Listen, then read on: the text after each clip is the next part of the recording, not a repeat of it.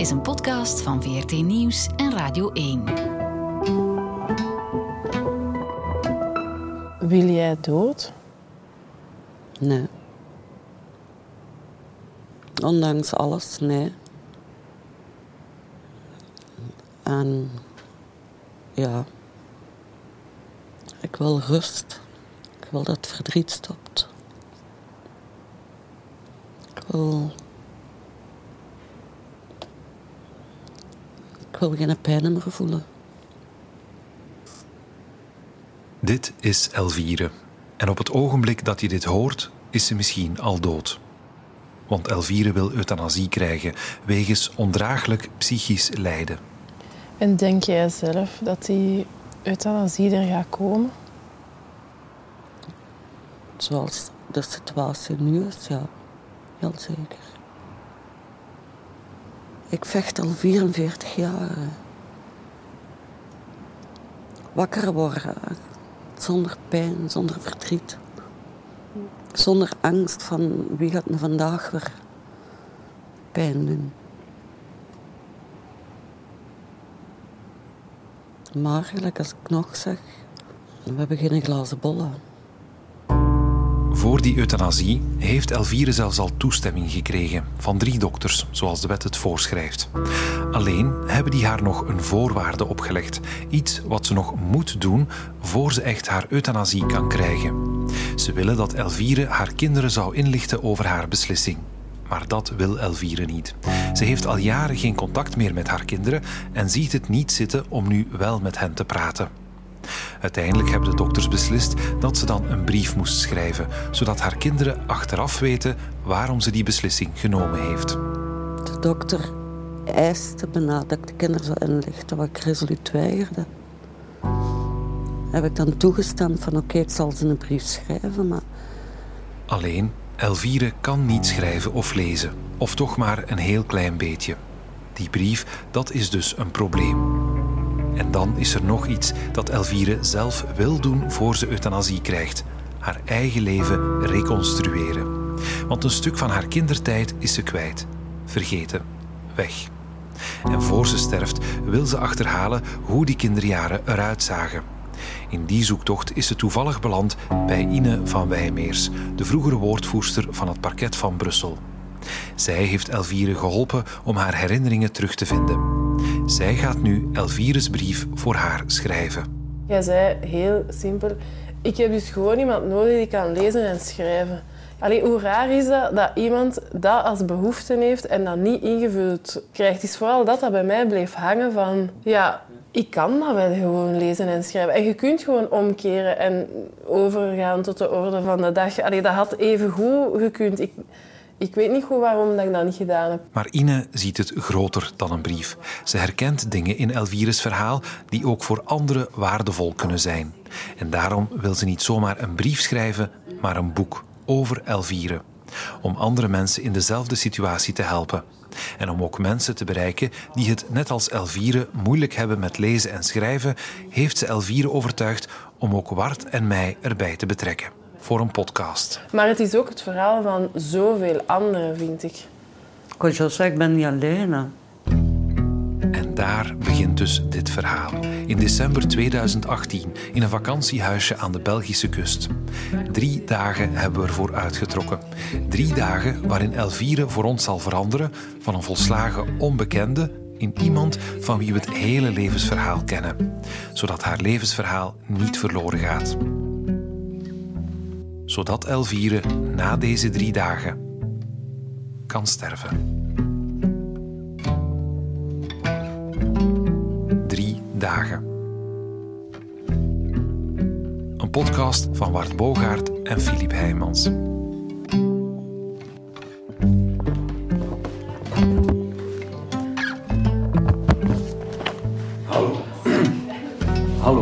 zenuwachtig en gespannen. Zo voelt het begin van die drie dagen. Een zondagavond is het. We hebben afgesproken in een bungalowpark aan zee. Een soort namaak vissershuisje met één grote ruimte beneden. Een zithoek, een open keuken en daartussenin een grote tafel. Ine, Wart en ik zijn er eerst. We weten niet goed wat we moeten verwachten. Niemand van ons heeft al eens gesproken met iemand die ervoor gekozen heeft om binnenkort te sterven. Waarom maakt iemand die keuze? Want zeggen dat je dood wil, dat is één ding. Maar ook echt die stap zetten, daar kunnen we ons moeilijk iets bij voorstellen. Hoe zal ze zijn? Hoe zullen deze drie dagen verlopen? Stof voor zenuwachtigheid. Bovendien is Elvire een uur te vroeg op de afspraak. Ik ben Wart, hallo. Dag. Welkom. Lange wacht. Lange Wart, je mocht jij Lange Wart zeggen tegen mij. Dat is Filip. Dag Filip. Hallo, welkom. Ine en Elvire hebben elkaar al eens gezien. Voor Wart en mij is het een eerste kennismaking. We zien een vrij onopvallende vrouw van een jaar of 50. Haren mooi opgestoken, zwarte eyeliner rond haar ogen. Zullen we geregeld gaan halen? Of wil je eerst iets drinken?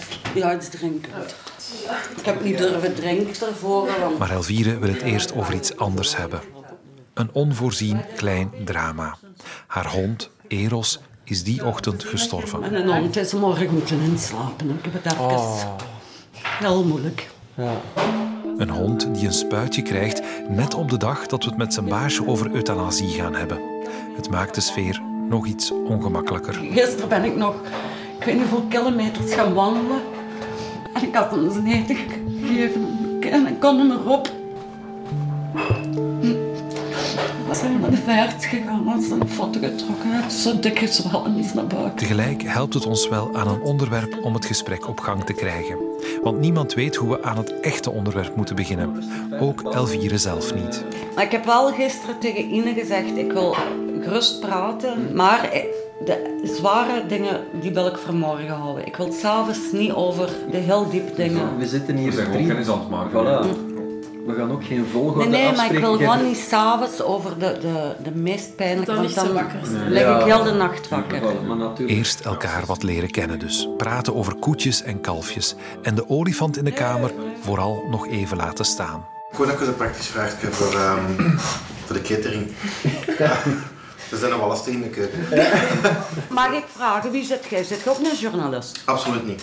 Gelukkig is er ook nog Kobe, de vijfde aanwezige in ons huisje. Ik ben eh, een vriend van Ine sinds jaar. De man? Nee, Nee, absoluut nee. niet. Hij is nog wat te jong, anders zouden we Kobe de plezante nonkel noemen. Iemand die er altijd de sfeer in kan houden en bovendien een uitstekende kok. Net wat we nodig hebben. Ik ben ook de, de slechte vriend. Ja. Ah, Als Ine moet ontsnappen aan het eh, Aan het gezinsleven, dan gaan wij... eh, goed eten en drinken. voilà. Vandaar dat ik voor het goed eten en drinken voilà, We gaan de sfeer wat losmaken op zijn Vlaams, met een glas erbij. Wij hebben een aanbieding. Alles. Alles. Kava. Dat is Ine ook een meerderheid. Een cava voor Elvire om op een geslaagde driedaagse te klinken. En voor het eerst gaan we rond die grote tafel zitten. Dat is verschiet, hè, Sjoerd? Dat is of wat? Dat is de enige manier om dat te doen. andere manier om dat te doen? En zo, dankzij de drank en de aanwezigheid van Kobe, raakt het ijs gebroken. zo. Al al die mannen naar ogen kijken. Oh. Kobe duikt de keuken in om het avondeten te maken. Bij Elvire, Ine, Wart en mij komt de sfeer gelukkig wat los. Maar tegelijk voelt het toch een beetje vreemd. Is dit nu iemand die er binnenkort een einde aan wil maken? Die vrouw die, die lacht, die veel energie lijkt te hebben, die zelfs moppen tapt. Waarom komt Sinterklaas niet in de moskee? Dat weet ik niet. Er staan te veel schoenen. Al blijkt tegelijk dat er weinig nodig is om de sfeer te doen omslaan. Hoe veilig een onderwerp ook lijkt, toch kan het pijnlijke herinneringen naar boven brengen. Kun jij zwemmen? Baksenslag. Ik kon heel, heel goed zwemmen. Maar mijn ex-man heeft mij eens lang onder water gehouden. Dat sinds heb ik... Niet meer in het water geweest. Wegsfeer. Misschien kan de catering ook deze keer redding brengen. Morgen maakt me je lievelingskost. Moet jij kiezen wat dat je wilt eten. Oh, Wat, dat- wat heb ik nog niet gegeten? Kreeft heb ik nog niet gegeten. wat dat je het liefste eet. Ja. We zijn aan het zeetje. Hè. Ik kan niet kiezen. Ik lust alles behalve tong. Heeft dat met mijn verleden te maken? Dat je dat niet meer wilt. Nee, ik moet er niet aan denken. Nee. En zo, via de pijnlijke herinneringen uit haar jeugd, rollen we vanzelf Elvires verhaal binnen. Het laat zich niet tegenhouden. Al heeft ze het dus zelf voor een stuk in elkaar moeten puzzelen. Ze weet dat ze in haar kindertijd niet bij haar ouders heeft gewoond, maar in jeugdinstellingen. Veel jeugdinstellingen. Oh, ik kan ze niet allemaal afgaan. Het zijn er 23. Dus ik kan ze niet allemaal afgaan. Maar dat maakt 23 instellingen, 23 scholen. Van instelling naar pleeggezin, van school naar school. En uiteindelijk belandt Elvire zelfs in een internaat voor kinderen met een mentale handicap. Zeer zwaar mentaal gehandicapten. Dat was acht uur armpjes overeen. En als je acht uur braaf geweest bent, kreeg je een pareltje. En als je tien pareltjes gehad had, dan mocht je snoepje uit een mandje kiezen. Als je iets of wat rebels waard, dan kwamen de nonnen af. Je werd op de grond gegooid, uitgekleed, spuiten u, waar dat ze raken konden. En dat was de één week, twee weken isoleercel. En rebels, dat is Elvire wel degelijk. Dat was een kindje, maar dat kreeg thuis nooit eten. Dat was echt armoedetroef. En Sinterklaas was geweest en er lagen mandarijnetjes en koekjes en dat allemaal. En dat kind dat vliegt erop af. En de juffrouw die ziet dat en die pakt dat kind vast, die bindt die op een stoel vast, die pakt een bordje, die begint er een, een, een brei te maken. Met peper, met zout, met alles rotzooi wat ze in de kast kon vinden. Ze zet dat voor dat kind er, er dingen en die moest dat opeten. En dan kan niet tegen zo'n dingen. En dan kwakt dat bord tegen de muur en dat is twee weken isoleercel. Zo krijgt Elvire dus nooit de kans om echt iets te leren, zelfs niet lezen of schrijven. In sommige instellingen valt het leven nog wel mee, maar op andere plaatsen is het zwaarder, met taferelen die recht uit een gruwelijke film lijken te komen. En dan zijn ze me komen halen. En dan moest ik me volledig ontdoen van mijn kleren. En werd ik in een gynaecologische stoel gezet. Met, ik weet het niet, 10, 15 nonnen. Wat ik in mijn herinneringen heb, is dat ze zeiden van, dat ik onderzocht werd op maagdelijkheid. Je treedt uit je lichaam en je ondergaat. Dat was de dag van mijn 15e verjaardag. Mishandelingen, vernederingen en ook seksueel misbruik. Elvire leert zichzelf beschermingsmechanismes aan. Afstand nemen van de situatie als de pijn te erg wordt. Doen alsof je een toeschouwer bent. Als je mishandeld wordt, als je vernederd wordt, als je misbruikt wordt, moet je ergens iets opzetten om je te beschermen. Je mocht gewoon niet laten zien dat dat pijn doet, dat dat je geraakt heeft, dat dat je...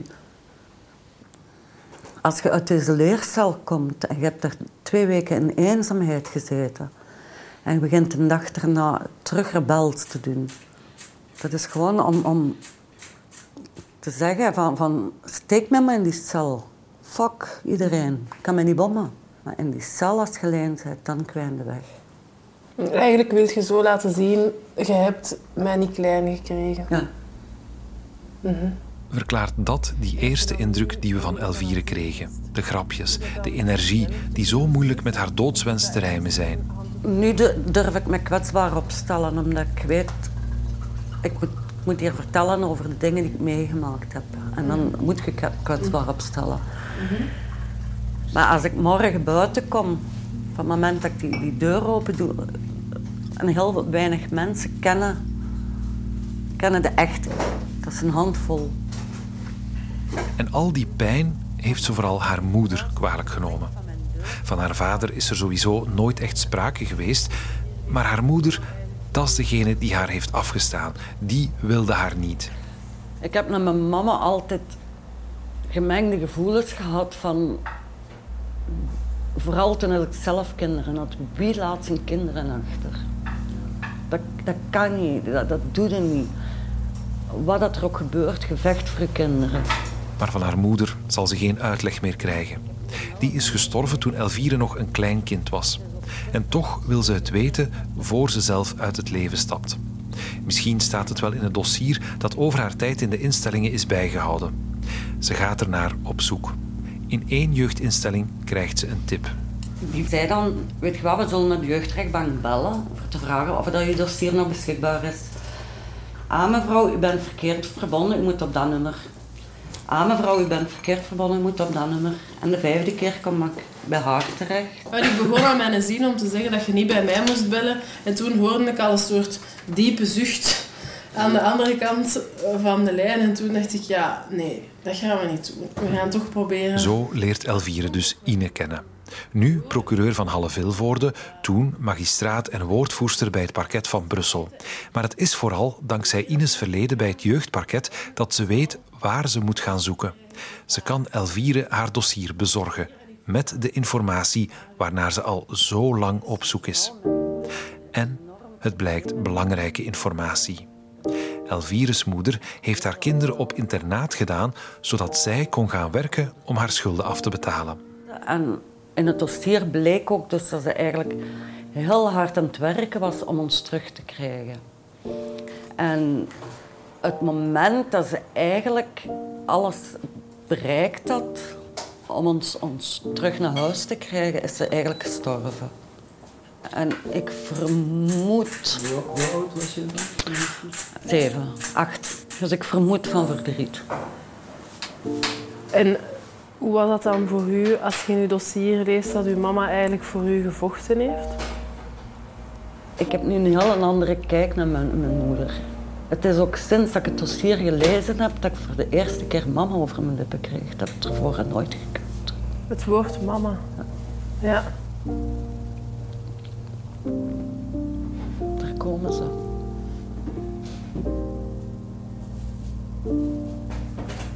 Dus ergens heb je de informatie gekregen dat uw moeder u wel graag zag. Hè? In tegenstelling tot wat je jaren, Dag. 50 jaar gedacht hebt. Ja. Hè? Maar anderzijds krijg je er ook de informatie bij dat ze heel erg veel geleden heeft. Ze Heel veel verdriet, en verdriet dat je zelf ook wel kent. Ja, want eigenlijk maak ik nu dezelfde leidersweg door als wat, wat zij ma- doorgemaakt heeft. Misschien ook wel met de hoop dat uw kinderen ooit zullen dat je voor hen gevochten hebt. Niet over de kinderen. Nee, dat is juist, ik was er. Elvires eigen Nee, maar kinderen. Vanavond wil ze er absoluut niet over spreken. Te zwaar, zegt ze. Een onderwerp dat haar te veel verdriet geeft. We beginnen te vermoeden dat de sleutel voor haar ondraaglijk psychisch lijden niet alleen in haar zware verleden ligt, maar voor een groot stuk ook in de relatie met haar eigen kinderen. Maar daar gaan we het vanavond dus niet meer over hebben. Het is al zwaar genoeg geweest zo. Ook voor Ine, die vroeger als jeugdmagistraat veel dossiers zoals dat van Elvire behandeld heeft. Het is hetgeen waar je als jeugdmagistraat altijd bang voor bent. Dat een kind ooit zegt, die magistraat is voor mij de, de oorzaak van alle miserie. Had die mij niet weggehaald, dan... En je speelt een beetje voor God, hè. En zolang dat je daarvan bewust bent en dat je die angst ergens hebt van hopelijk neem ik de juiste beslissing, denk ik dat het oké is. Het is maar op het moment dat je denkt, ik doe hier maar wat en het loopt wel los. Of op het moment dat je denkt, het is de schuld van die kinderen, dan denk ik dat je heel fout bezig bent. Maar ik weet wel dat als er kinderen op de jeugdrechtbank komen, dat ik altijd het woord rechtstreeks tot hen richt. En ik probeer niet over hun te praten, omdat ooit eens een jongere tegen mij gezegd heeft, weet jij hoe verschrikkelijk dat dat is? Ik zit hier en iedereen praat over mij. Maar daarvoor heb je een jongere nodig dat dan een keer Ja. zegt. En je, je, ja, je staat daar zelf niet altijd bij stil. En als jurist word je daar compleet niet voor opgeleid. Hè. Allee, je moet dat een paar keer uittesten op kap van kinderen die de pech hebben dat ze je testcase zijn voordat je beseft wat een impact is of dat je ingaat op die vraag of niet. Dat wil zeggen dat er een stuk, heel groot stuk buikgevoel bij zit. Maar uw buik kan serieus mis zijn. Hè. Allee, Mijn buikgevoel zegt dat we stilletjes gaan stoppen, dat ik even wel... Als Gellas dat niet erg vindt. Want Dat vinden we zeker niet erg. Het is een intense kennismaking geweest. En er volgen nog twee dagen. Iedereen kruipt zijn bed in om de eerste avond te verwerken. Ik lig nog een tijd naar het plafond te staren. En waarschijnlijk ben ik niet de enige.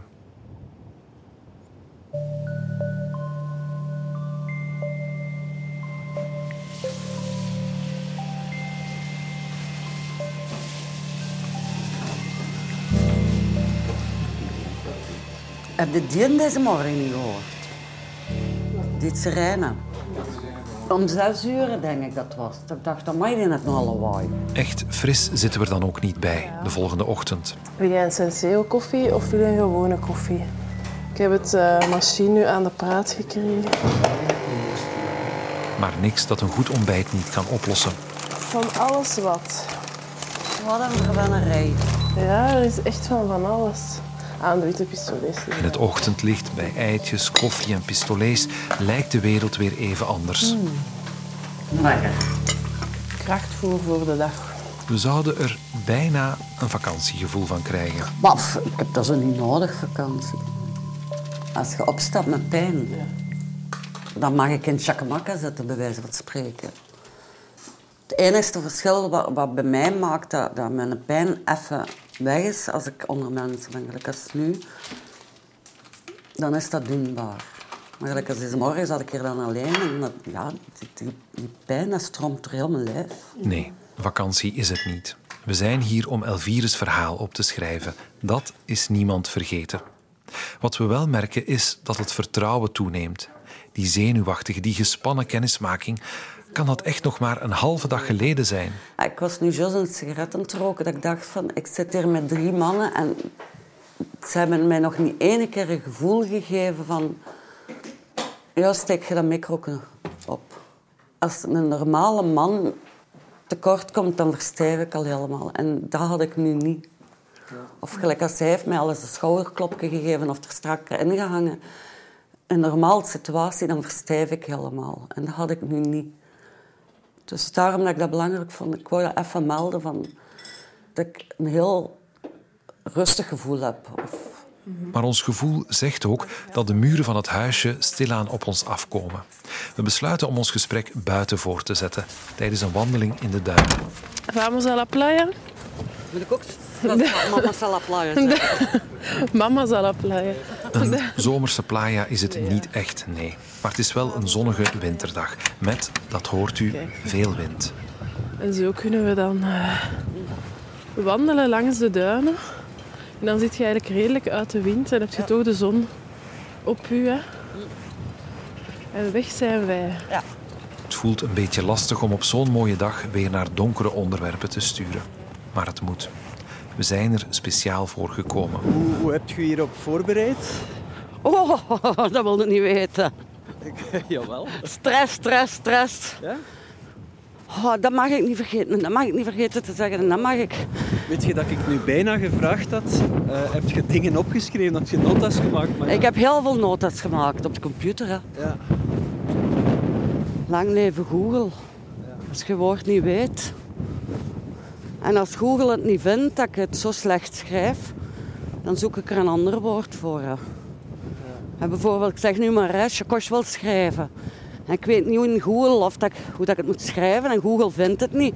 Ja, dan maak ik mijn handtas. Hè. Leven als analfabeet, dat is nog een van Elvires kleinste zorgen. Ja, het maakt het leven onpraktisch, maar dat is het dan ook. Daar vallen trucjes voor te bedenken. Maar andere dingen kun je niet zo eenvoudig oplossen. Omdat zelfs erover spreken al pijn doet. Sommige dingen heeft Elvire nog nooit aan iemand verteld. Laat staan dat ze ze opgeschreven zou krijgen. Maar aan ons wil ze ze nu wel kwijt, zodat wij ze kunnen bewaren voor haar kinderen. Jij beslist. hè. Ik moet eruit. We zijn vertrokken, dus Het is helemaal op uw tempo. ja, maar we blijven hier niet tot volgende week. Hè. Maar je wilt het wel heel graag, hè? dat het eruit is. We moeten Ja. uit. We zullen op de plaatsen moeten laten wegwaaien. Ja. ja. Over haar jeugd in instellingen hadden we het gisteravond al. Nu wil Elvire vertellen hoe haar leven daarna is verlopen. Toen ze 18 was, kwam ze vrij en kon ze op eigen benen staan. Maar dat viel tegen. Al snel werd ze werkloos en dakloos. Ik heb dan maanden op straat geleefd. Tot ik op een gegeven moment een café binnenging. Ik vertelde daar aan niemand mijn verhaal. Die begon me te verwijten dat het allemaal mijn schuld was. Want als ik wou werken, ik had direct werk. En die heeft me dan meegenomen.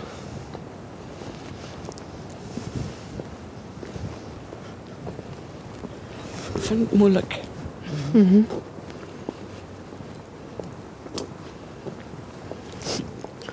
Hoe oud werd je toen? 18.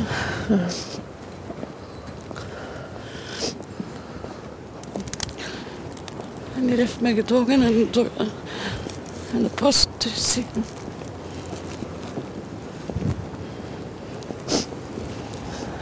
Maar gedwongen in de prostitutie, wat moeten we ons daarbij voorstellen? Ik kan me dat zo precies gelijk niet inbeelden. Ik ben eerst weken opgesloten geweest in een kamer.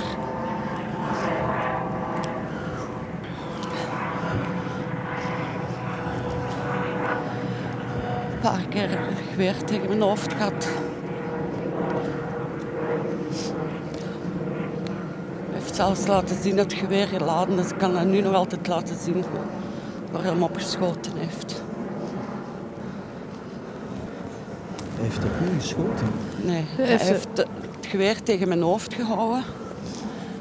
En hij zei hem te laten zien, zegt hem dat het geladen is. Heeft hem het geweer naar buiten gericht. Dat zijn zo die, die bollen aan die kabels. En op zo'n bol heeft hem dan geschoten om te laten zien dat het geladen was. Ik ben dan op een gegeven moment ben ik kunnen ontsnappen. En dan komt het pijnlijkste.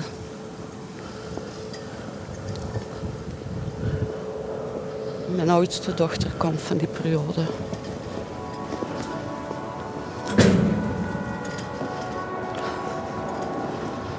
Wat bedoelt je met mijn oudste dochter komt van die periode? Van een klant.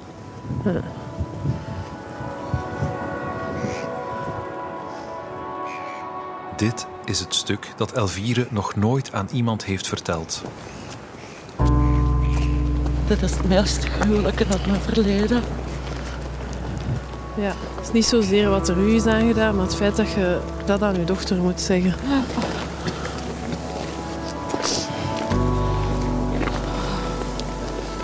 En heb je dat aan je dochter kunnen zeggen? Nee, dat is ook weer hetzelfde gelijk als mijn eerste zeven jaar. Had ik dat ook heel hard verdrongen. Ja. Kom, zet u even. Dat is de meest klote periode in mijn leven.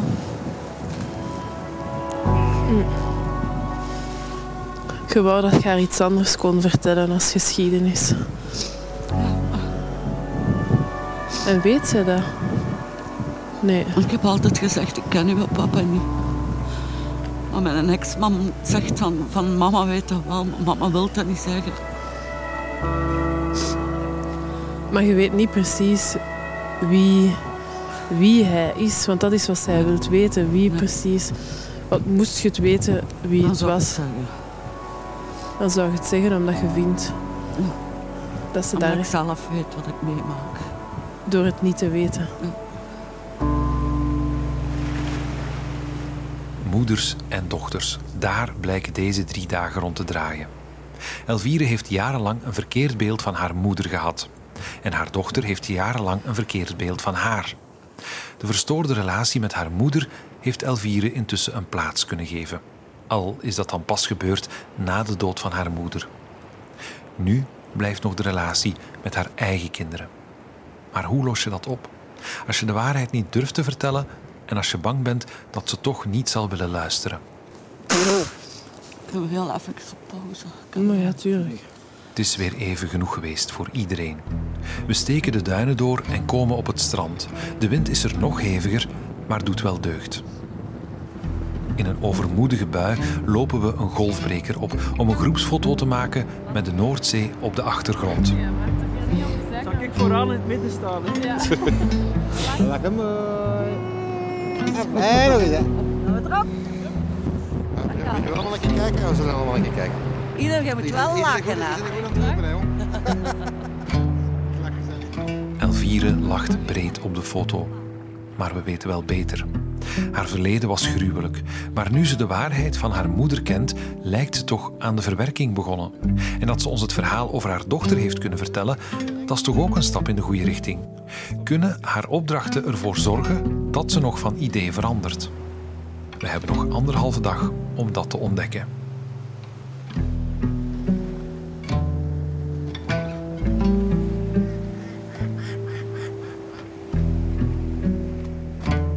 Was Drie Dagen, een podcast van Wart Bogaert en Filip Heijmans, gemaakt voor Radio 1 en VRT Nieuws. Met veel dank aan onze eindredacteur Randy Vermeulen, die ons hielp om de juiste vorm te vinden voor dit verhaal. De prachtige muziek komt van Tom Cesar Wolf, die is speciaal gemaakt voor deze podcast. Bjorn van Keer deed de eindmontage, productie Hendrik de Smet. Heel veel dank aan Ine, Kobe en uiteraard ook Elvire om haar verhaal met ons te delen. Het boek dat Ine schreef over Elvire is uit bij Lano onder de titel Als je wieg op drijfzand staat. Zit je na deze podcast met vragen of bedenkingen die je met iemand wilt delen, dan kun je terecht bij Teleonthaal op het nummer 106 of bij de zelfmoordlijn op 1813. Ons kun je voor reacties bereiken op 3 dagen radio1.be.